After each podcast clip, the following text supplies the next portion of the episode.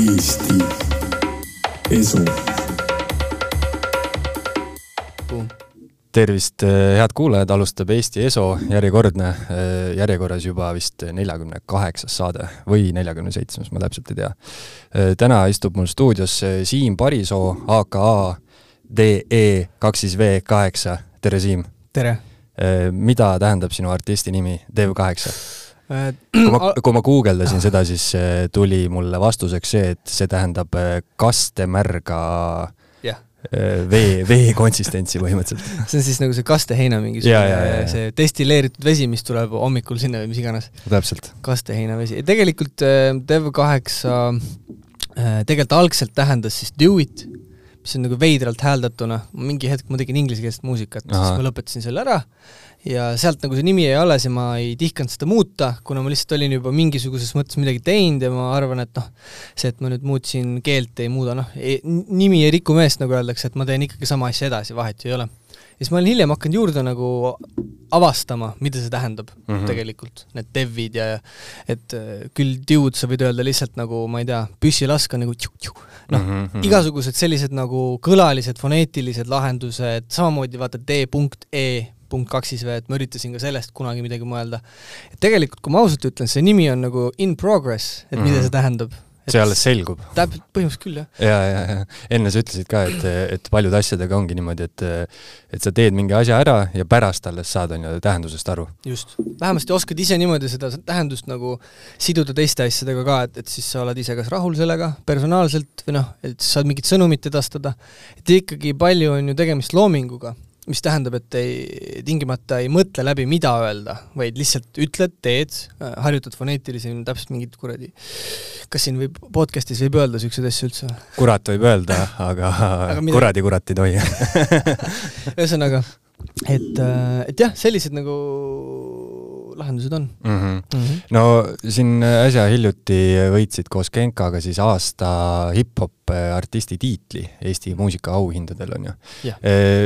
Kuidas sa ennast nimetad või kas sa üldse nimetad, oled sa produtsent, oled sa räppar, oled sa multimeediaartist?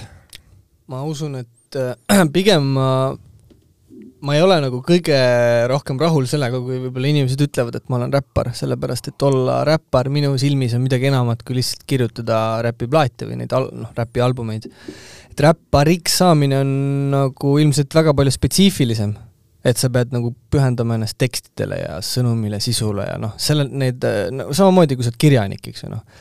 Et, et ma tunnen, et see on nagu suurem vastutus ja ma ei tahaks nagu ennast pigem sinna patta nagu panna, see, et ma teen seda vahepeal, räpin nii-öelda ja see tundub mulle nagu loogiline omane tegevus, siis noh, so be it.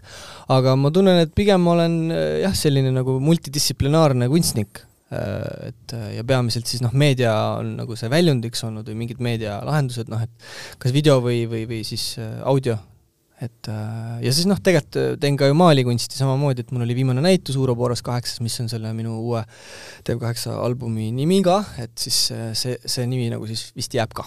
mm. -hmm. jah, siin äh, mitme kirjaniku käest ma olen saates küsinud, et et kumb on siis olu-, olulisem, kas see, mida nad kirjutavad või see, kuidas nad kirjutavad, ehk siis kas nagu on ju stiil või sõnum mm. -hmm.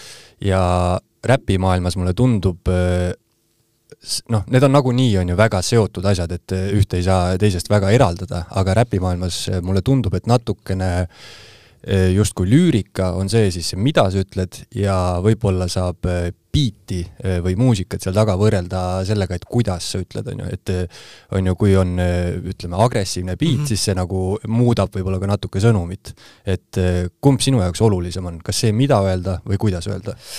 Ma usun, et äh, mulle on kindlasti kõige tähtsam see, et, et kui on see beat nii-öelda, millest sa rääkisid, et siis see beat, see annab inspiratsiooni või mingi idee või mingi vibe'i ja siis äh, et see natuke dikteerib, kuidas sa ütled, aga see ei pruugi dikteerida, mida ma ütlen, sest ma toongi näite, et vahest ju võtan ühe tausta ja proovin sinna kolme teksti, erinevat, mis ei ole mõeldud endale, kohandan neid, katsetad läbi, leiad nagu erinevaid äh, rütme, rütmi pattern eid nii-öelda siis, et, et kuidas need silbid jaotuvad, noh tihtipeale see ei ole nii matemaatiline, kui ma räägin, et see on üsna intuitiivne, sa tunnetad ära, kas mingi tekst nagu justkui tun-, on suupärane, kas see tundub loogiline öelda, vahest on teksti sõnum selline, et oh, et see on väga tähtis asi, tundub, et siia võiks sellist sõnumit nagu panna, ja siis kirjutad tegelikult kogu teksti ümber, selles rütmis, selles BPM-is, mis on siis nagu see praegune nii-öelda beat või taust, instrumentaal on põhimõtteliselt siis ma saan aru, et äh, ütleme, kui sina teed ühte lugu, on ju -hmm. kuhu sa teed ka lüürika ja biidi, siis beat sünnib tavaliselt esimesena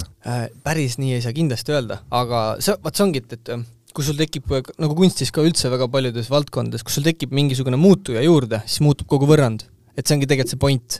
et äh, kunagi ei ole üks või teine ees, et pigem nad on mõlemad nagu, et vahest on üks, vahepeal on beat, millest inspireerud, vahepeal on mingi tekst ja, ja võib-olla jäädagi mingisse raami oleks minu jaoks loominguliselt piirav nagu, et pigem ma ei tee, ma ei tee kumbagi, aga nad on, mõlemad on nagu tööriistad. et tegelikult sa saad nagu nii tekstist inspireeritud olla kui ka. Äh, kust sinu selline biidi tegemine, produtseerimine ja selline räpimaailma avastamine üldse alguse on saanud, et millal sa sellega tegelema hakkasid mm? -hmm hea küsimus, äh, räpimaailm on minuga olnud ilmselt terve elu kaasas, et lapsepõlvest saati, et minu peres vendki kuulas nagu Eesti hip-hopi ja noh, ilmselt need A-rühma sõnad on mul kõik peas lihtsalt paratamatult, kas ma tahtsin või kas ma olin räpifänn, ilmselt see ei olnud isegi tähtis, vaid mingi energia, mis sealt tuli lihtsalt noh, minusugusele väiksele seitsme või kaheksa aastasele ilmselt sobis nagu, aga hilisemalt, kui sinna produtseerimine või muusika tegemine juurde tuli teadlikult, siis seda ikkagi mõjutas, et ma hakkasin nagu taas kuulama ja avastama nagu hip-hopi nagu teiste nurkade alt, siis ma leidsin, et seal on väga palju paralleele nagu selle muusikaga, mida ma kuulasin ka siis noh, sellel hetkel, ehk siis mingit rock, metal, noh, tegelikult siis ka väga palju ekstreemset metal-muusikat, mis on äärmiselt noh, karm, ütleme nii. et ma leidsin paralleele ja punk samamoodi, et võtad kas või Villu Tamme ja laulu sõnad ja paned sinna kõrvale mõne minu jaoks lemmiku hip-hop artisti, siis seal on tugevaid paralleele tunda. vähemasti siis, kui mitte sõnades otseselt ja selles, millest räägitakse, siis selles nagu meelestatuses, mentaliteedis nii-öelda mingisugune niisugune võitluslik niisugune, niisugune komponent on seal kindlasti juures, on ju? jah, selline nagu eluterve arusaamine olukorrast äh, kuidagi noh, et, et samal ajal defineerid ennast nagu kes sa oled ja kus sa oled, noh, inimesena, et ütleme, kui sa oled punkar võib-olla, mõned tundsid, et noh, nad ei ole nüüd nagu ühiskonna koorekiht, aga nad siiski ei ole nagu lollid, nad teavad ja nad saavad aru ja nad näitasid välja seda ja huvitav, et äh, ilmselt me oleme enam-vähem, on ju, ühevanad mm. -hmm. kui vana sa oled? Kakskümmend kaheksa. no siis olemegi. Äh, aga huvitav, et kui mina üles kasvasin, siis äh, ikkagi oli mingi metsik äh, eristus oli, äh, ma mäletan, et olid noh, niisugune teismeeas ma hakkasin ka kuulama rokkmuusikat ja niisugust mm -hmm. raskemat, on ju. et siis oli nagu eristus, et olid nagu nii-öelda karvased ja ossid ikkagi, et ja, ja noh, tihtipeale ossid kuulasid ka nagu räppi ja siis ja. oli selline ikkagi nagu natuke on ju võtmine üksteise kallal, et et kuidas sul, kuidas sul need asjad nagu ühendusid või, või oligi asi selles, et sa olid nagu täitsa tatina olid kuulanud räppi, on ju, siis mm -hmm. hakkasid võib-olla karmimat mussi kuulama ja siis need olidki sinu jaoks nagu üks asi? no põhimõtteliselt on see nagu üks osa story'st küll, et ma, mul noh, ümber see räpp nagu oli, ma kuulasin mingit Fifty Cent'e, G-Uniteid nagu, et noh, vend kuulab, ilmselgelt mina kuulan ka, eks ju, et see oli nagu tollel ajal, mul on, tema oli nagu inspiratsioon muusikas, aga kui mul tekkis nagu oma maitse, siis ma olin kriitilisem mingi hetk, otsustasin, et ma ei tea, ma tahan nüüd kuulata ainult rocki või mingit Metallica, kõik albumid ma pean läbi kuulama, pean kõik Pantera albumid läbi, ma ei tea, õppima kitarri peal, osata sama hästi mängida kitarri nagu Dimebag ja nii edasi. aga, aga noh, see on nagu, see Ossi jutt on ka muidugi selles mõttes oluline, et, et ega kogu aeg see, kus ma ümber nagu, kus ma kasvasin, see ümbruskond oli siis tegelikult ikkagi täis nagu niisuguseid inimesi, kellel olid väga erinevad muusikalised nagu eelistused ja pigem üldse niisugused, mis, minuga ei klappinud, aga, aga noh, ma ei tea, sa oled nagu, elad seal seda aleviku või külaelu, siis sa ikkagi oled nendega koos ja sa ikkagi hängid, jah, keegi teeb sulle vahepeal mingeid niisuguseid märkuseid või räägib, et kuule, miks sul juuksed nii pikad on, vaata. siis nagu noh, mul oli ka, ma ei tea, vaata, meeldib mis, küsid niisugust asja. et, et tegelikult oli see nagu pigem niisugune õpetlik äh, nagu teekond, et inimesed ikkagi noh, mõni, mõni mõnitas ka, vaata, karjus karvane või must nagu suht-, see pigem tekitas niisugust nagu enesekindlust juurde. et nagu, et mis mõttes, noh, et äh, ma ikkagi olen nagu sina ka ja, ja noh, ma lihtsalt kuulan teist muusikat ja kannan teistsuguseid riideid, et mis siis sinu asi on umbes põhimõtteliselt mm. -hmm. ja see ju kadus ära mingi hetk. no nüüd Mul on see minu arust jah, üsna no, kadunud nagu. minul oli gümnaasiumi ajal vist üheksas klass, mul oli umbes viimased mingid kommentaarid ja siis kümnendas klassis me saime kõik aru, et me olime nagu samasugused tüübid ja võib-olla noh, lasime koolis samal ajal poppi ja ajasime juttu, tegelikult me olime samasugused inimesed. Ja see nagu teadmine ilmselt noh, päästiski nagu selle valla, et tegelikult ju pole vahet. Enne sa mainisid seda, seda just, seda räppmuusika energiat või niisugust vaimsust, on ju kunagi ma töötasin ühe, ühe Iiri tüübiga koos, üks Kevin oli, väga hästi saime läbi, aga tema oli muusika mõttes selline indie-mees mm -hmm. ja, ja minule metsikult meeldib äh, UK grime muusika, on ju. ja, ja siis äh, alati, kui ma neid lugusid panin, siis ta nagu ütles mulle, et noh, tema on selles mõttes sellele kultuuriruumile palju lähemal, on ju, aga tema absoluutselt ei sallinud seda, sest ta ütles, et see lüürika on no põhimõtteliselt niisugune ma ei tea, viieaastase lapse on ju niisugune enesekiitlemine yeah ja, ja ma olen ka selle peale mõelnud, et, et võib-olla jah, need sõnad äh, tihtipeale Grime'is on, on sellised äh, no ütleme, et äh, mina olen lahe ja sina oled lo-, nagu loh, on ju, põhimõtteliselt, aga selles, kuidas neid sõnu öelda või seal, seal on nagu see energia taga põhimõtteliselt niisugune enesekindel niisugune noh, ma ei teagi, mingi asi, mis mind nagu sinnapoole tõmbab, on ju. Sina oled ka UK muusikaga päris tihedalt seotud, et kuidas sul, kuidas sul see UK, UK asi üldse alguse sai? okei okay. see UK asi sai mulle alguse niimoodi, et, et ma, kui nüüd Crime'ist rääkida just, siis ka kuskil kaks tuhat üheksa, kümme vist jõudis nagu sinna Eestisse ka see Crime'i ja dubstepi laine, võib-olla isegi varem, mina siis hakkasin tarbima seda vist kaks tuhat üheksa umbes. Et ma elasin seal, võib-olla niisugune beatboxer nagu Kuuba ütleb teile midagi, tema elas Londonis mingi aeg, siis ta ka tõi, ütleme põhimõtteliselt meie alevikku nagu Crime'i, siis me kuulasime seda palju. Tollel hetkel noh, sõnadele niimoodi mina nagu ei mõelnud, kogu see asi oli minu jaoks lihtsalt ülihästi kõlav. meelelahutuslik, äh, jõuline ja andis äh, energiat äh, mingisuguste eluliste probleemidega nagu hakkama saamiseks, et sul on nagu mingi power. et ilmselt muusika paljude jaoks ongi mingi life juice, et üldse nagu kuidagi eksisteerida igapäevamaailmas. Vastuseks sellele, et mis nagu need, kas, kas viieaastaste nagu niisugune kontekst on nagu kuidagi huvitav või mitte, noh, ma tunnengi, et ähm, muusika on ka mingi hetk ju, seal ei ole mõtet nagu liiga palju üle mõelda, just selle sisu poolest nagu, aga see on väga tähtis, aga selleks on kindlad artistid. Ja ma usun, et Grime'is on nii üht kui teist poolt et on tüüpe, kelle tekstid on nagu väga tänava pealt, väga otseselt elulised ja noh, võib-olla seal on ka mingisuguseid kilde, mis võib-olla ei ole sobilikud või on liiga agressiivsed, aga see on see elu nagu ja mõnes mõttes seda nagu maha salata oleks ka ju vale nagu lihtsalt äh, või kuidagi peita seda, et äh, me ju näeme, mis, mis ühiskondadega juhtub, kui sa peidad ja üritad kogu aeg maha salata ja valetada nii-öelda.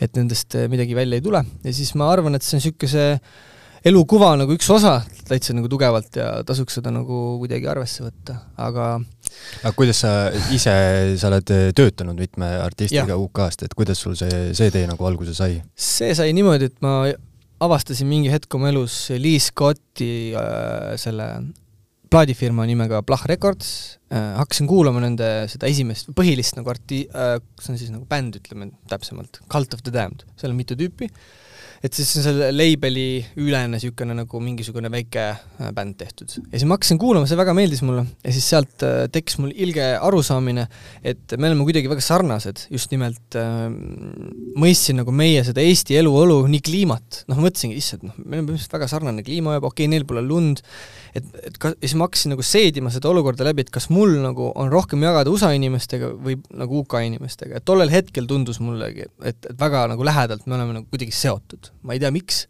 ja see viis mind selleni, ma hakkasin otsima neid inimesi taga nagu päriselt, et kontakti saada ja öelda neile, et ma tahaksin teiega mussi teha eh, või ma tahaksin teile videosid teha, et mulle väga meeldib see, mis te teete, et äh, ma olen nõus siia panema iseenda energiat äh, täitsa nagu alguses niisama mõnda aega, aga siis noh, sain selle kontakti kätte, eh, siis tegin mingi proovitöö a la ja natukene seal midagi toimetasin ja siis pakkus ta, et kas sa tahad nagu jäädagi tegema nagu mingeid asju. Ja, ja siiamaani ma olen nagu vaikselt teinud, vahepeal rohkem, vahepeal tihedamalt, et see oleneb. et tegime ühe albumi koos Lee Scottiga, mille nimi on Super God Five Thousand pluss näiteks, kus on minu biidid kõik, see oli vinüülil, kakssada koopiat müüdi välja ja kassetil ka ja siis ülejäänud on videomaailm peamiselt olnud, millega ma et põhimõtteliselt see saigi alguse niimoodi, et sa os-, otsisid kuskilt mingisuguse kontakt, mingi meiliaadressi, et, et ma tahaks teha, on ju, ja mhm. siis öeldi, et saada biite, on ju? see tuli nii, et muidugi ma saatsin alguses ikkagi erinevatesse kohtadesse mm, -hmm. SoundCloud ja, ja siis inimesed ei vastanud, poolteist kuud midagi ei toimu ja siis ühel hetkel ma sattusin kogemata Liis Kotti enda Facebooki, ma kirjutasin talle otse, tüüp oli mingi, kuidas sa mu üles leidsid? Ja siis äh, ta siiamaani, noh, tema jaoks on see veits imelik, et kuidas ma läbi hammustasin selle, aga, sain ta kätte otse hästi, kirjutas vastu, ma saatsin talle oma tolleaegse kõrgema kunstikooli lõputöö ma tegin ühe Paladev kaheksa Assault, noh seda, ma võtsin selle maha nüüd, seda ei ole saada praegu, seda ei kuule, ei näe, aga see oli mu lõputöö muusikavideo koos muusikaga. ja siis teda nagu see nagu kõnetaski, ta sai aru, et mingisugune oskusteave on inimesel nagu olemas ja kriitiline mõtlemine ja kontekstist arusaamine välismaa mõttes ka, eks ju, et ma nagu adusin nende nagu space'i, et mis seal toimub ja kuidas võib-olla seal toimetada ja ja siis on nagu nii, praegu on hästi, et on tore koostöö see kliimavõrdlus, mis sa tõid, see on päris hea ja et ma olen ka mõelnud, et, et noh, UK on selles mõttes muusikalises mõttes nagu väga varieeruv, et seal on kõik, on ju, et seal on niisugust väga rõõmsat mingisugust garaaž, tümpsumuusikat, aga samas väga palju osa on sellist justkui niisugust tumedamat biiti natukene ja, ja noh, dubstep ja kõik sellised mingid trummid ja bassid on kõik ikkagi mingisuguse niisuguse süngusega mm -hmm. seotud, on ju. ja, ja siis ma olen mõelnud, et miks see niimoodi on, et võib-olla neil ongi nagu niisugune noh, hall kliima kogu aeg, on ju, et see ma kindlasti mõjutab, on ju. jaa, seepärast ma ise vist tundsin seda esimest seost selle kliimaga lihtsalt. et noh, et tähendab, et ma üritasin selgitada, miks ma teen tumedat mussi ka ja siis noh, mõtlesin, et kui kellegagi teeks koos, et siis võiks nagu need nagu loogikad olla nagu sarnased, et miks seda teha või nagu, et noh, et ma ei tunne, et ma tahaks nagu teha ka muusikat nagu selliselt nagu surutud moel, et umbes võtan mingi skeene, surun ennast sinna sisse justkui ja mängin, et olen osa olnud sellest kogu aeg või niimoodi. et see nagu minu silmis kõik peab olema nagu loogiline, naturaalne ja see enne minu peas võiks nagu sensi make ida, kui ma üldse selle nagu kui ma seda päriselt nagu hakkan läbi viima. kasutasin Estonglishi nüüd, eesti keele õpetajad saavad pahaseks aga mis sind selle, selle tumeda mussi juures tõmbab? ma arvan, et see lihtsalt annab energiat e-, elus nagu edasi liikuda see on nagu niisugune vastukaaluenergia kuidagi, ma ei tea. ütleme, ütleme, ei niisugune hästi tavaline arusaam sellest on võib-olla, et, et noh, et muusika mõjutab minu meeleolu, on ju, ja, ja kui ma iga päev kuulan niisugust tumedat biiti, siis mm -hmm. ma, siis see tõmbab mul meeleolu nagu alla või tõmbab tumedaks. et ja sina ütled vastupidi, et see just annab sulle energiat. see annab energiat, ei, loomulikult selle üleanalüüsimine võib tuua nagu mingisuguseid tulemusi, mida me ei soovi, et vaimselt see võib olla väga kurnav ja stressirikas ja rohke. aga ma usun, et selles muusikas on nagu tõde rohkem kui mingis muus sugar-coated muusikalises asjas üldse saab olla nagu. et mind häiribki see, et, et ma pean äh, tarbima mingisugust imelikku sellist nagu, kuidas öelda, välisfassaadi nii-öelda, aga ma tahan nagu tuuma nagu nautida, ma tahan inimeste äh, nagu seda mingit emotsionaalset tasakaalutust ja, ja tasakaalutust ka tajuda muusikas ja üldsegi, et noh, kui see ei ole aus, siis lihtsalt ma ei näe seal pointi, miks, miks, miks üldse tõmmelda nagu? Äh, mitme kunstniku käest ma olen küsinud minu arust kõige lollema küsimuse, mis saab küsida. lollid küsimused on jumala head. et mis sind inspireerib? mul tuleb see küsimus sellega, et et ma olen sinu muusikat on ju kuulanud ja ma olen seal märganud väga erinevaid mõjusid, et mingisugune viimane beat bänd, mis ma kunagi kuulasin, mulle tundus väga mõjutatud üldse sellisest eh, Memphise räpi niisugusest, on ju, niisugusest vanakooli mingisugusest räpist, mis oli mm -hmm. kunagi üheksakümnendatel. et mis sind ise muusikat, mida iganes tehes, mis sind inspireerib? Ah, nagu ma ütlesin jah, see emotsioon inspireerib mind ennekõike. eks siit ka põhjus, miks ma ei ole valinud nii-öelda mingit äh, konkreetset stiili, äh, ma ei tea, ütleme, et ma teen ainult hip-hopi üheksakümnendate stiilis või midagi, et see minu jaoks ei ole nagu muusika noh, mulle endale personaalselt see ei ole nagu see lahendus, mida ma tahan läbi viia. Ja sama Memphise näide on hea, ta on pisut erinev sellest, eks ju, Nantis mingist boom-bap'i asjast, et äh, et mulle lihtsalt nagu meeldib mingisugune mingisugune primitiivne vorm agressiivsusest, mingisugusest energiast, mis sealt tekib nagu, mingisugune üleolev jõud, natukene boss on see, see on natukene ulakas, natukene mittesobilik on see kõik nagu, et seal on neid pungile omaseid elemente on palju, aga samal ajal nagu inimesed nagu tantsivad selle peale. ja täitsa nagu, et neil on hea ja need ei ole nagu halvad. muidugi tasub noh, arvesse võtta, et see muusika konkreetselt, et nende keskkond on ilmselt oluliselt kriminaalsem kui meil nagu, ehk siis ma arvan, et nende nagu see muusikaline background on noh, tingitudki sellest nagu kohalolevast ärevus mingis astmes nagu. Ja võib-olla siis see natukene hoiatab mind selle eest, milline võib üks suurlinna elu olla, äkki see nagu veits nagu paelub inimest, noh, et seal on palju põhjuseid, miks inimesele võiks see meeldi-, meeldida asjad, mis on nagu justkui halvad või miks see huvitab, et sama, et miks inimesed vaatavad, ma ei tea, mõrvaritest dokumentaale. mina näiteks ise absoluutselt ei suuda vaadata, mul näiteks naisterahvas väga vaatab, ma, mis sul viga on et see tundub ju tegelikult nagu vale, aga samas sa tahad ju teada, et keda sa peaksid kartma või millest hoiduda või mis see elu iseenesest on, et sellel on nii palju tahke ja muusika nagu seda annabki edasi. ja et see Memphise näide on nagu selle puhul, ma arvan, kõige akuraatsem niipidi öelduna Memphis äh, on jah, niisugune äh, täiesti nagu meie, meie kultuuriruumist nagu erinev, aga millegipärast äh, ikkagi inimesed seda kuulavad ja, ja see nagu tõmbab, on ju. Kui, kui mõelda sarimõrvarite peale, siis mulle ka jubedalt igasugused sarimõrvarid, mul on üks lemmik sarimõrvar on Iceman. aa, ma tean ka seda tüüpi see täiesti, tal on selles mõttes Youtube'is tal on, tal on kaks kaks väga pikka niisugust mingi neljakümne mintsast see videot. vanem mees hallide juustega räägib, et käis jõulude ajal mingi umbes hitti tegemas. ta oli maffia, maffia mingisugune hitman. haige tüüp. aga tal on jah hästi head intervjuud on mm -hmm. ja mhm. nagu niisugune filmitud intervjuud, mis ta vanglas on andnud, et seal inimesed võivad vaadata, milline näeb välja nagu konkreetne psühhopaat. täiesti nõus ja noh, selles on nagu, ongi midagi sellest paelub või vähemasti see info nagu, et mind, mind see nagu näiteks, mind üldse ei paelu see, ma vaatan seda, mul on nagu ebamugav ja paha kõhus on vastik. aga siis, kui see nagu info minuni ära jõuab ja ma selle läbi seedin, noh siis kui ma uuesti selle juurde tulen, siis ma olen nagu maha rahunenud, ehk siis see ongi nagu mingi väike ettevalmistus võib-olla mm, -hmm. teraapia nagu. see on jah, see äh, huvitav niisugune, et äh, inimene, kes tarbib mingisugust asja, ma ei tea, kas vaatab sarimõrvaritest mingisugust äh, dokumentaalfilmi või, või kuulab sellist gängstaräppi, on ju, siis eh, nüüd on see muutunud nagu selliseks, et eh, noh, eh, igasugune, ma ei tea, kontoriinimene kuulab mingisugust mõrvaräppi töö juures, aga noh, tema elu ei ole sellega nagu mitte mingil määral on ju seotud. et, et huvitav, et sealt tekib niisugune mingisugune suhestumus, et, et ma tahan ka nagu ma ei tea, vähemalt mõelda või kaasa laulda neid sõnu, kuidas ma, mul on hästi palju raha, naisi, ma tapan nagu kõik vaenlased ära ja ja väga veider on see, jah. sellel on oma niisugune noh, et kui ma räägiks selle asja nagu halvast küljest, siis ma tegelikult pean ju tunnistama, et ega see on kindlasti mingitele inimestele halba inspiratsiooni andnud, nagu seda ei saa väita, et ei oleks nii, aga mingil põhjusel inimesed kirjutavad ka kirjandust, eks ju, mis on niisugune mõrva, mõrvamüsteeriumid on nagu ilmselt mõnele, mõnele inimesele väga olulised ja huvitavad asjad, mida lugeda, et, et noh, et peab nagu ilmselt neid mõlemaid tahke nagu kuidagi aru saama, et ma usun, et ta no, veits on... ikka midagi halba teeb nagu ja mõjutab inimesi veits, et et sa ei tohi võib-olla seda nagu inimesena ise nagu sisse lasta, et sa tahad see olla või noh, et siin, vot siin tekibki see vahe et kuulaja on ka tegelikult tähtis osa sellest protsessist, mitte see produkt ise nagu, et asi ei ole süüdi, et sina muutud nagu noh, mõnes mõttes nagu halvaks selle pärast või saad inspiratsiooni sellest, umbes nagu Osil oli see lugu Os, Ozzy Osbourne'i see Suicide'i lugu, eks ju, kus mingi inimene siis selle loo saatel ennast ära tappis ja teda taheti kohtusse kaevata selle eest, ta ei ole nagu süüdi selle pärast.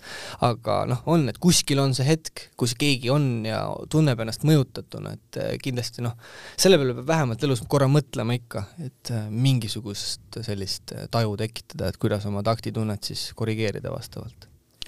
me alustasime juttu sellest äh, auhinnast, et äh, kui tähtsad äh, sellised auhinnad sinu jaoks on või, või kui, kui hästi sa näiteks oskad prognoosida mingisuguseid hitte, sest sa oled, on ju teinud ka näiteks Väiksele Pedele mingisuguseid taustu ja noh, need lood on saanud nagu Eesti mõistes hittideks või väga-väga mm -hmm. populaarseteks ega siinkohal tuleb seesama muusikaline kuulav, kuulavuse nagu level lihtsalt appi mulle, et ma lihtsalt kuulan nii palju muusikat või olen kuulanud minevikus lihtsalt väga palju erinevat sorti muusikat, et ma tajun nagu mingisugust olukorda ja võib-olla oskan seda õigel ajal nagu sisestada, aga ma ei ütle, et sellest noh, tingituna mul mingisugune popmuusika taju on hullult, et see on ikkagi minu nagu mingis oma mugavustsoonis ka nagu eh, noh, pigem see räpp või, või ma ei tea, nagu rock, rokkmuusikat ka või metal-muusika osaliselt võib sinna minna et ma ei teagi, see on nagu väga keeruline muidugi asi ka, et kuidas nagu sellist popmussi üldse teha nagu.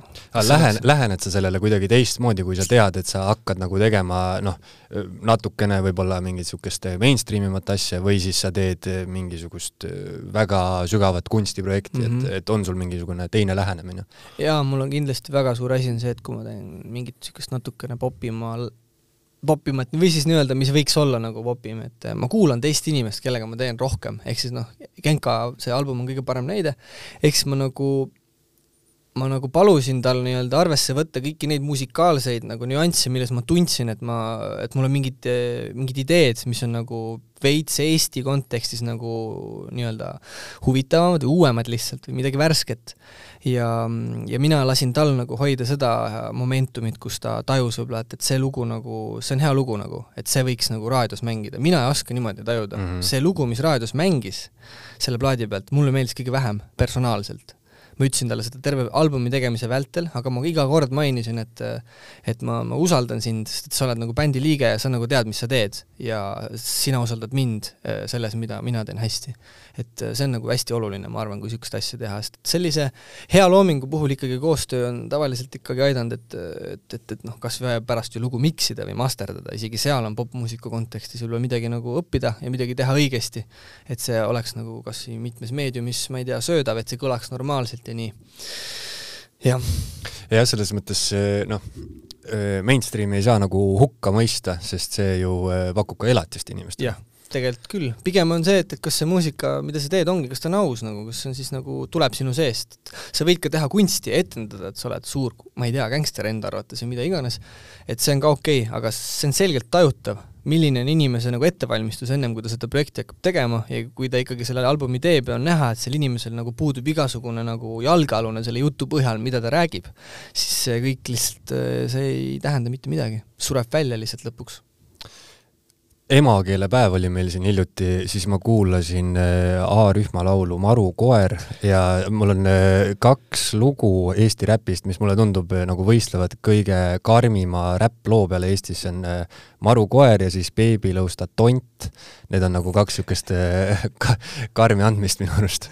aga kuidas, kuidas näiteks sul on Genkaga töötada, et kui sa ütlesid, et sa kuulasid, on ju, seitsme-kaheksa-aastaselt võib-olla A-rühma, et siis juba tema nagu noh, oli loominguliselt noh, lihtsalt nii palju vanem, on ju, tegi juba asju Eesti mõistes tipus, on ju, ja, ja nüüd sa järsku teed selle mehega plaati koos, et, et kas sul mingi niisugune, mingi tunne tekib sellest?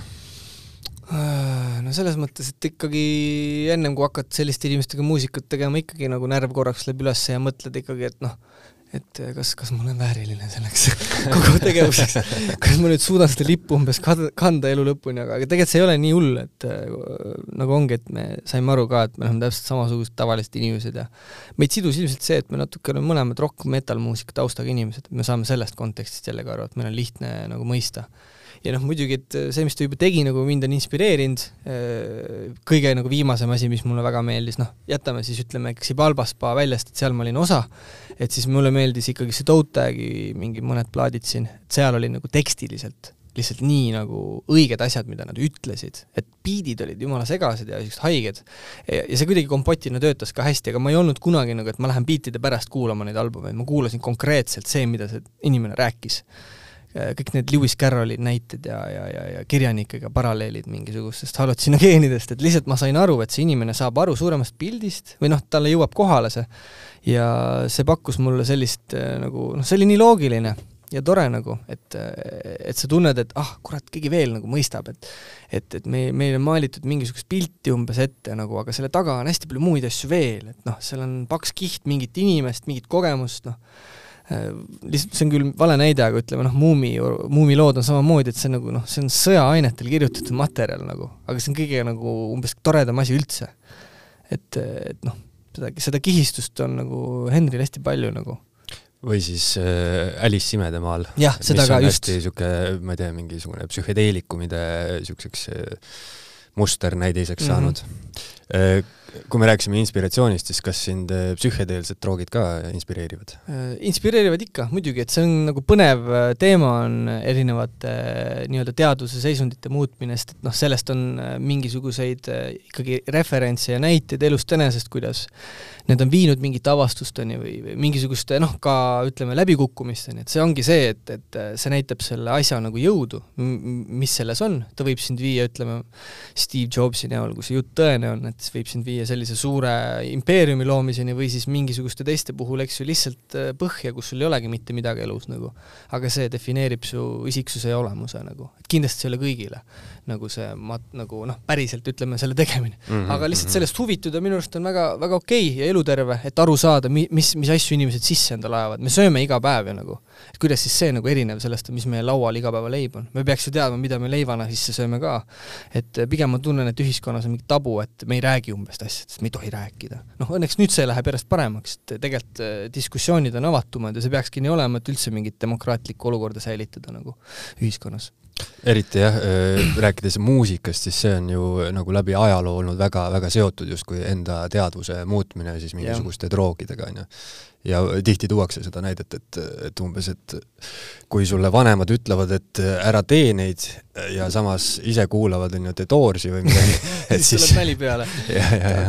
ma pidin ka oma perele isegi seletama seda, et, et noh, saage aru, et Beatlesid nagu, et siis see kõik on väga lilleline, aga nagu kas te saate aru, et sellel on põhjus. et, et ei taheta uskuda isegi seda, mõnes mõttes. on kerge ignorants selles osas nagu, aga noh, see on okei okay. ma ei arva, et seda peaks midagi kellelegi hullult suruma või rääkima, et sa pead nüüd teadma seda. aga kui sa tead, see on kindlasti eluterve ja see annab midagi juurde ja midagi pigem ära ei võta, et kui sa neid sisse endale ei hakka toppima, siis on ju kõik okei okay tegelikult. ja kui tahad, siis ise tead, mis teed, see on su enda keha ja elu.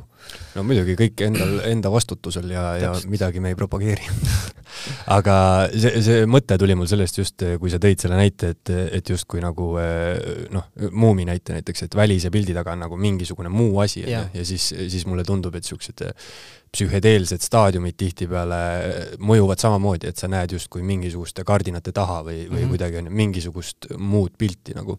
sisuliselt ja... see per-, per-, pers-, change of perception eh, ehk siis nagu pers-, jah, perspektiivi muutumise moment on ju tähtis, kontrast elus. kas sul on äh, kas see lööb ka sind ju jalge alt maha, kui tuleb sõda, nagu me kõik tajume seda praegu tegelikult, kuidas see vaimselt tegelikult hävitab meid äh, kõiki ja meil on raske tegelikult olla lihtsalt igapäevaselt tööl ja mõelda, et mingid inimesed võib-olla, neil ei ole mitte midagi, minu, mul on soe praegu, eks ju. et see on sama, samasugune tegelikult see nii-öelda, sind lüüakse nagu balansist välja ja see, ma arvan, et see ongi pigem see kõige olulisem osa, lihtsalt et see mm, psühhedeelne aine võib olla selle puhul lihtsalt see kickstart, mis on vähe kiirem meetod nagu noh, samamoodi nagu ravim, eks ju, et see võib sind nagu kas leevendab või siis noh, paljud asjad pigem leevendavad mitte mm. ei ravi päriselt. et sisuliselt ta noh, loob sulle teise olukorra ja siis sa pead sellesse adapteeruma ja siis sa kasvad inimesena läbi selle olukorra. ja siis see, kas midagi päriselt näha seal taga on nagu noh, ma ei tea lihtsalt eh, see, mis, eh, mida sa seal näed, see ei ole nagu garanteeritud. et eh, tihtipeale see ei ole garanteeritud, et su, ma ei tea, et sa näed mingisugust tõde või sa mm -hmm. näed midagi ilusat, et see, mis sa näed, on ju see, tihtipeale sõltub sinust endast. aga fakt on see, et, et noh, võimaluse see annab jah perspektiivi muutuseks, on ju. Mhm. kui me räägime konkreetsemalt biitide tegemisest ja muusika tegemisest, siis eh, kuidas see sul käib, kas sa mängid ise mingisugust pilli, kas sa teed kõike arvutis, kas sa sämpeldad mingisuguste vanade vinüülide pealt? Äh, ma teen jah, kõike üldiselt, et äh, mul on nagu source of inspir-, üt-, eesti keeles proovin jälle rääkida. et äh, nii-öelda selleks inspiratsiooniallikaks on ikkagi pigem sellised huvitavad, obskuursed teised artistid, kes lihtsalt siis ma ei tea, annavad huvitavaid mõtteid, huvitavaid käike, et ma kuulan palju vinüüle loomulikult nüüd, nüüdise ajal muidugi veidi vähem, et pole olnud selleks nagu seda aega, see kõik on nagu meeletu, noh, väga-väga palju aega võtab see kõik. et lapata neid ja leida mingisuguseid pärle nii-öelda. et see on üks asi, siis ma mängin instrumente ka, et äh, mängin kitarri, see on nagu enamjaolt peamine asi, mida ma olen nagu mänginud asjadele peale ja siis äh, klahve veidi, kuigi mu klahvioskus ei ole nagu hea, et siis ma noh, õnneks tänapäeva kõik need programmid aitavad meile neid äh, kõiki klahve ja asju ise ka seada, et tegelikult on kokkuvõttes see idee siis, mida ma, ma olen nagu laulukirjutaja mõnes mõttes selles, selles hetkes, kui ma sinna keyboard'i taha satun, et siis ma otsin need asjad üles, sätin need, ajastan ikkagi selle nii-öelda mingite midi süsteemidega ära, et kui ma sellega hakkama ei saa. mõned asjad ma mängin ära, aga see on kõik väga nagu noh, oleneb, et keerulisi asju ma ikkagi tahaks, keegi teine mängiks et äh, produtseerimine ongi, nagu ma ütlesin ka ennem, et äh, see on selline tegevus, kus sa saad muutuja olukorda endale. et sul on olnud mingi olukord, ütleme, ma ei tea, sul on kolm elementi ja siis tuleb sul neljas juurde, see on nagu muutuja, see muudab kogu nagu seda paletti ja sa pead hakkama selle lisaelemendi ümber kogu asju ümber nagu sättima ja siit tulenebki see nagu see loova protsessi nagu päris olemus äh, ja see ka ilmselt noh, selgitab, miks seal ei ole kunagi nagu konkreetset loogikat, millest asi algab, eks. ja ka selle nii-öelda nende instrumentide mängu puhul, et vahest mängid kitarri, sul tuleb käik kitarri peal, aga sa viid selle üle klaveri peale ja sa mängid selle sisse klaveri peal. see võib tulla ju täiesti noh, noot peas, laulad, ümised, see on bassinoot, mängid bassi peal, eks ju. et, et see on niisugune noh, ikkagi niisugune nagu nokitsemine mm -hmm. natukene, tailoring, natukene ajad niisugust käega ikkagi niiti kokku nagu ja siis lõpuks vaatad kaugelt, okei okay,, see on midagi ja kui midagi sassis on, siis arutad lahti, teed uuesti nagu.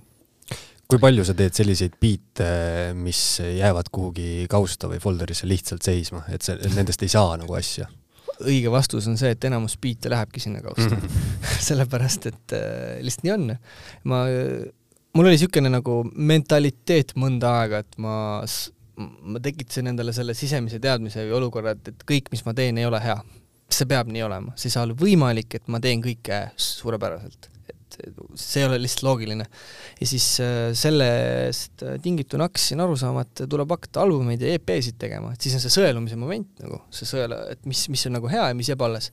ehk siis tegelikult sa pead päris palju nagu musta tööd ära tegema ma ei tea, kas see Kanye näide vist oli kunagi, et mingi kas kolm kuud, kolm biiti iga päev, kolm suve järjest, mingi niisugune skeem oli tal. Ta tegi kunagi mingi meeletu niisuguse pikaajalise, mingi süstemaatilise protsessi, et mul on olnud ka seda päevas, et ma teen endale nagu goal'i, ma teen neli biiti päevas mingi iga päev ja vahepeal jääb vahele tõesti ei jõua nagu, siis ei ole hullu, teed ühe või teed mingi trummiidee või teed midagigi. vahepeal lihtsalt otsid sample eid ja kuulad neid. et äh, üsna nagu loominguline protsess on see tegelikult ja ma, ma tunnengi, et selle tõttu komistab üsna tihti väga põnevate lahenduste otsa. Et ma ei lähe Youtube'i otsima mingeid how-to videosid, kuidas teha nagu, et see tundub täiesti nonsense lihtsalt, et äh, kuidas me teeme loomingut, see ei ole nagu mingisugune kruvi keeramine. jah, seal on asju, mis on kruvi keeramisele väga sarnased, eks ju, et miksimine või mingid tehnilised aspektid, mida sa pead oskama ja seda sa pead vaatama Youtube'ist.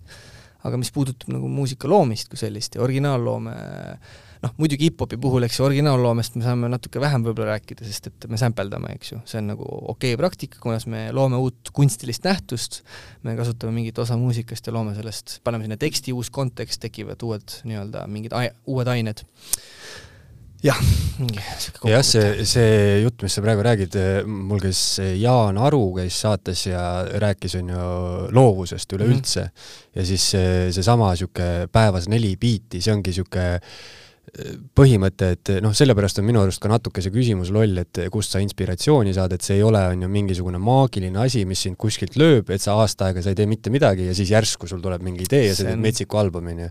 et seal käib ikkagi niisugune metsik, niisugune lihtsalt distsiplineeritud töö juures mm, -hmm. et mhm. istu maha, tee ja, ja nagu sa ütlesid, siis väga hea on, kui sul on arusaam, et kõik, mis sa teed, ei ole kuld, on ju, mhm. aga lihtsalt sa paned neid nagu tunde sisse ja sisse ja sisse, et võib-olla sul tulebki, ma ei tea, viiekümnest biidist siis üks tuleb see hea, on ju, mis, mis läheb raadiosse või kuhugi.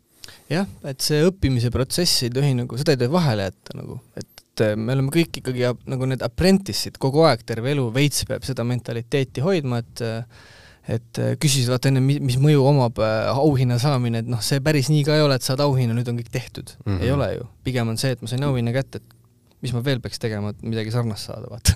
noh, lihtsalt väärtuse mõttes, et see ei ole, sa ei saa ju korrata sama asja uuesti ja eeldada, et see tuleb ka sulle kätte. tõenäoliselt sa pead midagi jälle tegema teisiti et see oleks selles ajas ja hetkes uuesti innovatiivne. Ja see ei pruugi üldse tullagi, aastakümneid võib-olla, et keegi ei tea seda tegelikult ju kunagi ette. peab olema valmis mingiks niisuguseks madalaks olu, olukorraks ka. Ja selles mõttes ongi see distsiplineerituse osa väga oluline, kui sul seda distsipliini ei ole, siis sul ei saagi tulla nagu tulemust ju. kümme tuhat tundi oli, eks ju, niisugune klassikaline mingi mõõde, kus öeldakse, et kui sa teed siis saad meistriks. just, äh, noh, et äh, pluss-miinus tuhat tundi võib-olla, aga sisuliselt see on õige. Ja mis veel on oluline, sulle peab see protsess meeldima.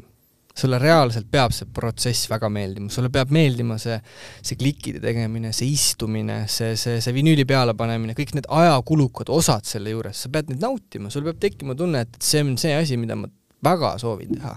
et ükski teine tegevus ei pa-, ei, noh, ei paelu nii palju. ja kui juba paelub, siis võib-olla sa teed vale asja nagu tegelikult et see on ka põhjus, miks vahepeal muusikutel võib-olla ongi vaja midagi muud teha, et lihtsalt saada inspiratsiooni nagu. tegelikult see on weird asi on üldse muusika nagu, vahepeal ta nagu on elus väga tähtis, vahepeal on nagu niisugune tunne, et miks me seda üldse teeme mm, -hmm. kellel seda vaja on. kas muusikas on ka see, et, et tundub, et justkui kõik on tehtud vahepeal? ikka, seda on palju mm. -hmm. aga siis on jällegi, et, et kui noh, et alati on kuhugi liikuda, kindlasti on albumeid, mida pole kuulanud, on asju, millest pole aru saanud ja on ka perspektiive, mis on võib-olla loonud mingisugused piirangud iseendale, ehk siis tegelikult tuleb kogu aeg vaadata enda sisse ju. et, et võib-olla oled ennast tagasi hoidnud milleski, mida väga tahad teha ja siis ei tee neid asju, et ma tunnen, et ma räppi mõnda aega ei teinud, sellepärast ma lihtsalt, mul, ma häbenesin seda teha. aga tegelikult ma sisimas hullult tahtsin seda teha ja siis tekkis see ühel hetkel nagu, said üle paku ära, mõtlesid, kurat, mul on nüüd ükskõik nagu mm, -hmm. nüüd ma teen lihtsalt on, arvake, mis te arvate, nagu ma lihtsalt annan seda muusikat välja. aga see häbenemine siis tuleb äh, mingisugusest äh, teiste inimeste arvamuse sa ei tea pigem, mul oli see teadmatus, ma, ma ei olnud üldse kindel, mida ma teen, sest ma arvasin, et see on, äkki keegi arvab, et see ei ole õige asi, mida teha. Mm, -hmm. äkki ma ei ole see, noh, tegelikult see on täiesti nagu, see on eluterve jällegi, et seda mõelda, enesekriitika on oluline just seetõttu, et sa ikkagi noh, sa pead nagu nii palju analüüsima seda, et sul tekiks nagu niisugune, et sa ei peaks iseendas pettuma, et sa ei loo endale niisugust illusiooni, et ma nüüd saan selleks ja siis lähed ja siis tegelikult sa kogu aeg oled teadnud, et sa pole muusikas mitte midagi teinud. et umbes sa pole isegi laulukooris kunagi käinud ja sa arvad, et sinust saab artist. tegelikult see võib no nii hale failure olla nagu selles mõttes ja väga raske inimestele, noh see on hea superstaari näide, see saade, kuidas on inimesed läinud sinna ilmselt küll nagu emad, noh, kõik annavad, mine vaata kohale, sa kindlasti võidad. ja siis tuleb see hard hitting reality't nagu tegelikult enamusele ei meeldi. ja siis on jumala nagu raske sellel inimesel, võib-olla ta jätab maha selle tegevuse. aga see on ka põhjus, miks nagu ongi, et ei tasu nagu luua seda valeillusiooni, et siis see kukkumine on nii valus ja, ja tuleb lihtsalt teha. sest tegemine peab olema tähtsam ja olulisem alati nagu, et isegi kui sa ei oska laulda, sulle peab meeldima see, et ei, aga hääl, hääle treenimine on ka mõnus nagu, mulle meeldib, kuidas keha vibreerib, et sul tekivad mingid teised nüansid, mida sa naudid selle tegevuse juures juba. no ilmselt ja kõiges peab äh, valitsema selline balanss, on ju, et äh, tean, kindlasti on ka nagu hullumeelseid inimesi, kes lihtsalt, äh, nad teavad, et nad on head, aga terve elu näiteks lihtsalt rapsivad tühja mm, -hmm. sest lihtsalt noh, sealt ei tule, on ju, mitte midagi, et siis, siis võiks nagu asja ümber hinnata ja võib-olla mingit teist rada minna, on ju kui me räägime sellest, et äh, sa teed videosid, muusikat, äh, räpid ja ka maalid, et milline sul üldse niisugune tavaline päev välja näeb? ärkad üles, mis sa teed? ärkan üles, on vaja viia ikkagi pere lasteaeda, laps, laps lasteaeda ja siis tööle minna ega muud ei olegi siis tuled lapse lasteaiast ära ja lähed koju ja ja siis võib-olla lähed uuesti tööle. et võib-olla see kõige suurem nüanss ongi, et ilmselt mul on vahepeal tööpäevi on nagu päevas kaks mm -hmm. tegelikult aga see on mõnda aega nii võib-olla, et eh, eks kui ma ära väsin, siis mingi hetk lihtsalt mind ei ole ja teen midagi muud ja võib-olla ühel hetkel lihtsalt kaon ära, ei teegi muusikat, keegi ei tea seda ju. kas see maalimishuvi on tulnud eh, siis sellest, et sa oled kunstikoolis käinud?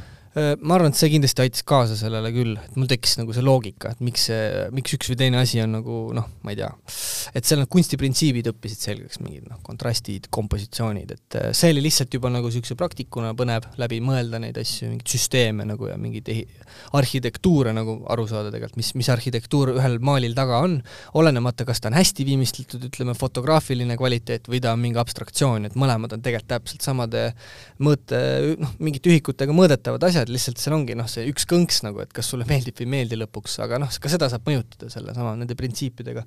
ehk siis jah, kool nagu andis väga suure selle mm -hmm. huvi ikkagi. alati meeldinud joonistamine, joonistamine või käeline tegevus, mul ikkagi gümnaasiumis ka vihikuservad olid täis asju, samamoodi see sodimine, et mul on nagu meeldinud sodida, lihtsalt see on nagu ilmselt mingi stressi maandamine, ma usun, et seda on paljud noored teinud, kes on gümnaasiumipinki istunud lihtsalt palju-palju, et sa teed ühe A4 otsast otsani mingit lihtsalt ühte asja täis nagu aga selles on mingisugune, mingi, see on jällegi mingi praktika, sellest areneb mingi oskus. Ja lõpuks ma jõudsin Leonhard Lapini loengusse ja see tüüp rääkis mulle sellest, kuidas äh, noh, puhaku rahus mees nüüd, et äh, su-, tegelikult väga suur kunstnik oli ja suur inspiratsioon, ühesõnaga rääkis äh, joone teadmusest, noh, joone kasutamisest tähendab, mis see on, kuidas seda mõista.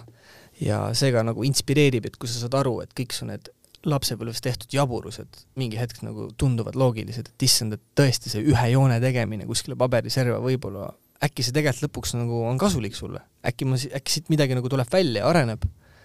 et see on põhjus, miks vaata ju noori ei tohi piirata ka kõikide asjadega liialt. et see seos tuleb hiljem nüüd mul tekib selline, selline hüpotees, et kõik äh, kunstnikud või siis ütleme, loomingulised inimesed on alustanud äh, oma karjääri juba lapsepõlves, et ma ei ole, ma ei ole kunagi kuulnud, on ju, et äh, inimene, kes kes hakkas maalima kahekümne viie aastaselt lihtsalt ja ta ei olnud kunagi varem joonistanud lapsepõlves.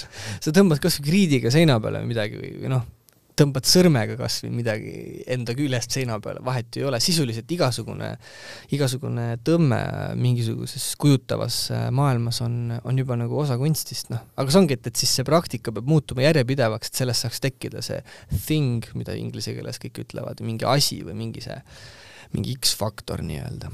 aines. aines, jah kui äh, muusikas me rääkisime justkui sellisest äh, võib-olla tumedamast meeleolust või niisugusest energiast, on ju, siis nagu esteetikas, videodes ja on ju kujutavas kunstis, maalis, kas sa otsid ka nagu mingisugust teatavat stiili või sellist, sellist meeleolu?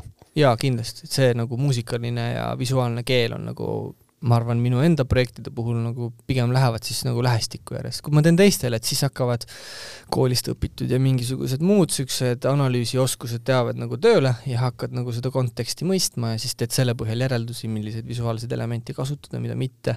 et äh, jah, et kui ise saan ikka teha, siis lähen ikkagi pigem sinna nagu eksperimentaalsesse, põnevasse kunstilisse maailma. ma ise tahan öelda, et mu enda see nagu thing, mis mind kõnetab, on see maagiline reaalsus mm. -hmm. ja selle nagu oskuslik kasutamine, et sa kuvad nagu mingit päris elu, aga sellel on alati mingi maagiline touch. mingi asi on nihkes, mida sa ei oska seletada lihtsalt. jah jah, see on kas noh, nagu kirjanduseski, et kas see on, on ju realism või siis maagiline realism, et, et seal on nagu vaks vahet sees, et need võivad, on ju, kujutada täpselt sama asja mm -hmm. põhimõtteliselt, ma ei tea, mingisugust inimolukorda, tunnet, mida iganes, on ju, aga lihtsalt täiesti erinevatest perspektiividest mm. -hmm et üks on justkui läbi värvide ja teine on läbi, läbi vihmapilve siis. aga mis sul tulevikuplaanid on? mis, sul on noh, selles mõttes sa oled, on ju, ütleme, kunstnik, et siis ongi, endale peab esitama ilmselt mingid väljakutsed ja mis nagu ennast kuidagi paneb, paneb sellesama ora perse, mis sul praegu särgi peal on, et, et kuidas nagu, kuidas ennast utsitada, et, et mis sul sellised, ma ei tea, mõtted, ambitsioonid, eesmärgid on mm,? ütleme nii, et suurematest ambitsioonidest ilmselt on jõuda kunagi siis mingisuguse lühifilmini äh, ja mingisugust niisugust sõnumit ja mingisugust emotsiooni edastada läbi selle, mis oleks võib-olla natuke tervislik, äh, kuidas öelda, terviklikum, kui ma olen praeguseni teinud. et ikkagi nagu muusikavideo tegemine on selline, et see inspiratsioon muusikast kui ta tuleb, siis see tähendab ju, et see on kõik äh, väga nagu rütmipõhine vahest, et seal ei ole nagu sisulist, ma, ma ei analüüsi sisu läbi, vaid ma analüüsin rütme, ma ei tea, kogu kompositsiooni, arranžeeringut sellel lool, lihtsalt vaatan, kus on refrään, kus on salm, mil-, mitmeks ma jaotan selle tüki nagu. Et siis jah, korra küsimust veel mulle. tulevikuambitsioonid. tulevikuambitsioon, jah. lihtsalt see on nii lai mõiste juba mida mm. teha saaks. et see on jah, see filmi teema on üks asi, mis nagu pakub põnevust, ma ei ole huvitatud mingist kommertsist tingimata, pigem ikkagi mingit art house'i või niisugust kunstifilmi teha. aga nagu siis selles mõttes hea. see täiesti nagu otsast lõpuni ise projekt läbi viia Äh, kindlasti siis abi, abinõudega, et üksi ma ei suuda. ma olen nagu teinud pikka aega üksi neid projekte ja see on äärmiselt väsitav tegelikult, et äh, ma saan väga hästi aru, miks äh, ka Tallinnas nii-öelda kolleegid teevad ikkagi koos neid asju, kui mina teen täpselt sama üksinda, et siis ikkagi sellepärast, et neil oleks rohkem jaksu muid asju teha mm. -hmm. seal muidugi jah, tekib ka see küsimus, et niisugune filosoofiline kunsti küsimus, et kui palju sul on ühe projekti üle nagu eh, kontrolli või mhm. võimu, on ju, eriti kui me räägime filmis, filmist, on ju, noh, seda ei saa, anyway ei saa nagu üksi teha, et sa ei saa, on ju, nagu maali, on ju, et sa oled üksi toas ja maalid, on ju et äh, siin on äh, noh, suur filmifänn ma olen ka, et äh, mitmed näited on sellised, kus äh, on ju inimene kirjutab ise stsenaariumi, on ise režissöör ja siis takkatipuks veel ise näitleb ka seal filmis. et seal on äh, tihtipeale, see on nagu niisugune natuke libe tee, et kas see on nagu geniaalne või see on nagu täielik fail, on ju. jaa, seal on ainult üks aspekt, kus ma võib-olla võin natukene õla peale patsutada, et olete tublid, et noh, see põhjus, miks vaata kõik teevad ühte asja, võib olla lihtsalt see, et raha on vähe. mis jah. tuleneb nagu lihtsalt praktiline vajadus, ma tahan seda filmi teha, mind ei huvita, ma lähen kas ise sinna sellesse nõmedasse rolli, ma teen ära selle, aga see on tehtud. aga noh, muidugi on ka need ego küsimused, kus inimesed tahavad ennast näidata, et jah, seal nagu on parem lasta teistel särada võib-olla. ma usun, et koostöö on ikkagi parem filmide puhul, aga ma jällegi tahan seda loovat poolt poolt natukene nii-öelda push ida ja öelda, et kunagi ei saa öelda, et üksi ei saa filmi teha, saab küll et sisuliselt see on võimalik, et see võib olla midagi eksperimentaalset, see võib olla midagi, noh, dokfilmi kontekstis on see kindlasti realistlik, üks mees, üks kaamera, mikrofon kaamera peal, mine ja filmi, sa võid terve maailma vallutada sisuliselt, kui sa, kui sul on hea idee. aga seda võib-olla alati ei ole, et siis ongi. pigem see hea idee ja teostuse nagu mingisugune balanss on hästi oluline osa sellest et kuidagi leida nagu ülipõnev asi, mis on nagu innovatiivne mingisugusest aspektist, kas kinematograafias, mingis sisus või muus ja siis noh, hakka sinna pookima seda, et kuidas me nüüd selle ära teeme. et, et vahest see lahendus äh, peabki olema kuidagi tehnoloogiliselt lihtsam, et saada vähesemaga hakkama, noh, no mis ongi, mis toob loovust jällegi esile, et tasub seda kõditada, seda poolt alati endast, aga what if ma teen täpselt seda, mida ma mõtlesin, et ei saa teha, aga äkki teeme ikkagi, noh, push ime, proovime, vaatame, kuidas me saaks seda ära teha sa mainisid seda tehnoloogilist poolt, et kui oluline on sinu jaoks eh, selline eh, head tööriistad siis ütleme, et eh, ma ei tea, stuudios erinevad instrumendid mm, -hmm. kõlarid, videot tehes kaamerad, mikrofonid? no neid ikkagi on vaja ja ma tunnen, et mida aeg edasi, seda nagu nii-öelda selliseks äh, printsessiks me muutume selles osas, et tekib lihtsalt mingisugune professionaalne kretinism või mingi oskusteave ka nagu, kuidas või mida kasutada aga ma tahaksin ise väita, et ma, ma ei ole nagu tehnoloogiast tingimata nüüd inspireeritud, vaid minu jaoks on tehnoloogia vahendid, lihtsalt vahendid, et ära teha midagi, ja ma ei jää kunagi sinna pikalt seisma. Ja mind väga ärritab, kui ma pean tehnoloogia peale liiga palju aega kulutama, et kui see juba mingi tööriist hakkab mulle stressi tekitama, siis ma lihtsalt jätan ta välja nagu mingi hetk. et see tegelikult hullult vabastab mind vahepeal, et ma võib-olla ei filmi, ütleme, selliste kaameratega, võib-olla mis keegi kuskil filmivõttel teeb, eks ju, mis maksavad meeletult palju, aga reaalsuses ma küsin mõne inimese käest nõu, et eh, kuidas ma saan umbes analoogset kvaliteeti, ma ei tea, noh, kaheksa korda odavama kaameraga teha mm -hmm. ja saab. küsimus on hoopis teistes aspektides, mida, millesse energiat panna, see kunst ja need valgustus ja helidisain ja mis lensi sa kasutad, noh, see on, sa võid neid kaameraid tegelikult saab ju rentida ka tänapäeval, et lõpuks, kui sul on hea idee, rendi see kaamera, tee millega sa tahad et siis küsid juba rahastusi kõike nagu, aga noh, ma ütlengi, vaadates, kui palju nii-öelda aspekte filmi kuulub, siis jällegi vastus, üksi seda lihtsalt ei tee, mina tunnen, et niisugune projektikirjutaja abi on nagu number üks, mida on vaja. et saada loomingulise inimesena nagu seda ajuvabadust toota ja teha lihtsalt nojah, sellega üldse tehnoloogiast ja kõigest rääkides, et eh, sellega on vist ka niimoodi, et eh, mida rohkem sa sellega tegeled, on ju, seda rohkem sa saad teada mm -hmm. ja mhm. seda rohkem sa saad teada, et sa ei tea mitte midagi või nagu alati ja, on võimalik, on ju, minna järjest sügavamaks karm on tehnoloogia, et äh, hiljuti pidin süübima koodekite maailma ka, et uus koodek oli tulnud mingi H265, mis tegi minu arvuti äh, väga õnnetuks ja mind ka paaril päeval. lõpuks ma sain aru, milles asi on. et noh, see ongi see hetk, et, äh, et noh, vahepeal peab kõrvad lahti hoidma ja kui ikkagi targem tehnikahuviline inimene kõrval räägib, siis mina olen tavaliselt tasa ja kuulan lihtsalt. ja siis jääb meelde ja, ja mõnest, mõneti piisabki paarist üksikust heast asjast, mida on vaja teada ja sul on tegelikult teekond sillutatud selleni, et sa saad midagi toota toota mingisugust äh, pipeline'i või mingit niisugust mm -hmm. normaalset äh, tööd teha. et äh, kokkuvõttes peavad olema tööriistad ikkagi kasutuskõlblikud, mitte üle oma varju hüppama ja lihtsalt tegema aga see on hea, millega lõpetada, lihtsalt tehke, ärge yeah. mõelge ja, ja küll no, mõelge ka, mõelge ka, aga vähemalt kui te tunnete, et teie mõte nagu kuidagi segab, siis noh, et unustage korraks mõtlemine ära, lihtsalt hakake pusima nagu, pange käed tööle või samas teksti kirjutamise puhul loomulikult peab mõtlema vist, ma ei tea dadaismis ei pea võib-olla. kui sa mingit eksperimentaal mingisugust teksti teed, siis, siis ei pea, aga siis ei tea, kui tarbitav see on. just. aga igatahes aitäh, Siim, et tulid ja, ja avaldasid enda kõik töösaladused. aitäh kutsumast ja järgmise korrani! jah yeah.. Eesti Esu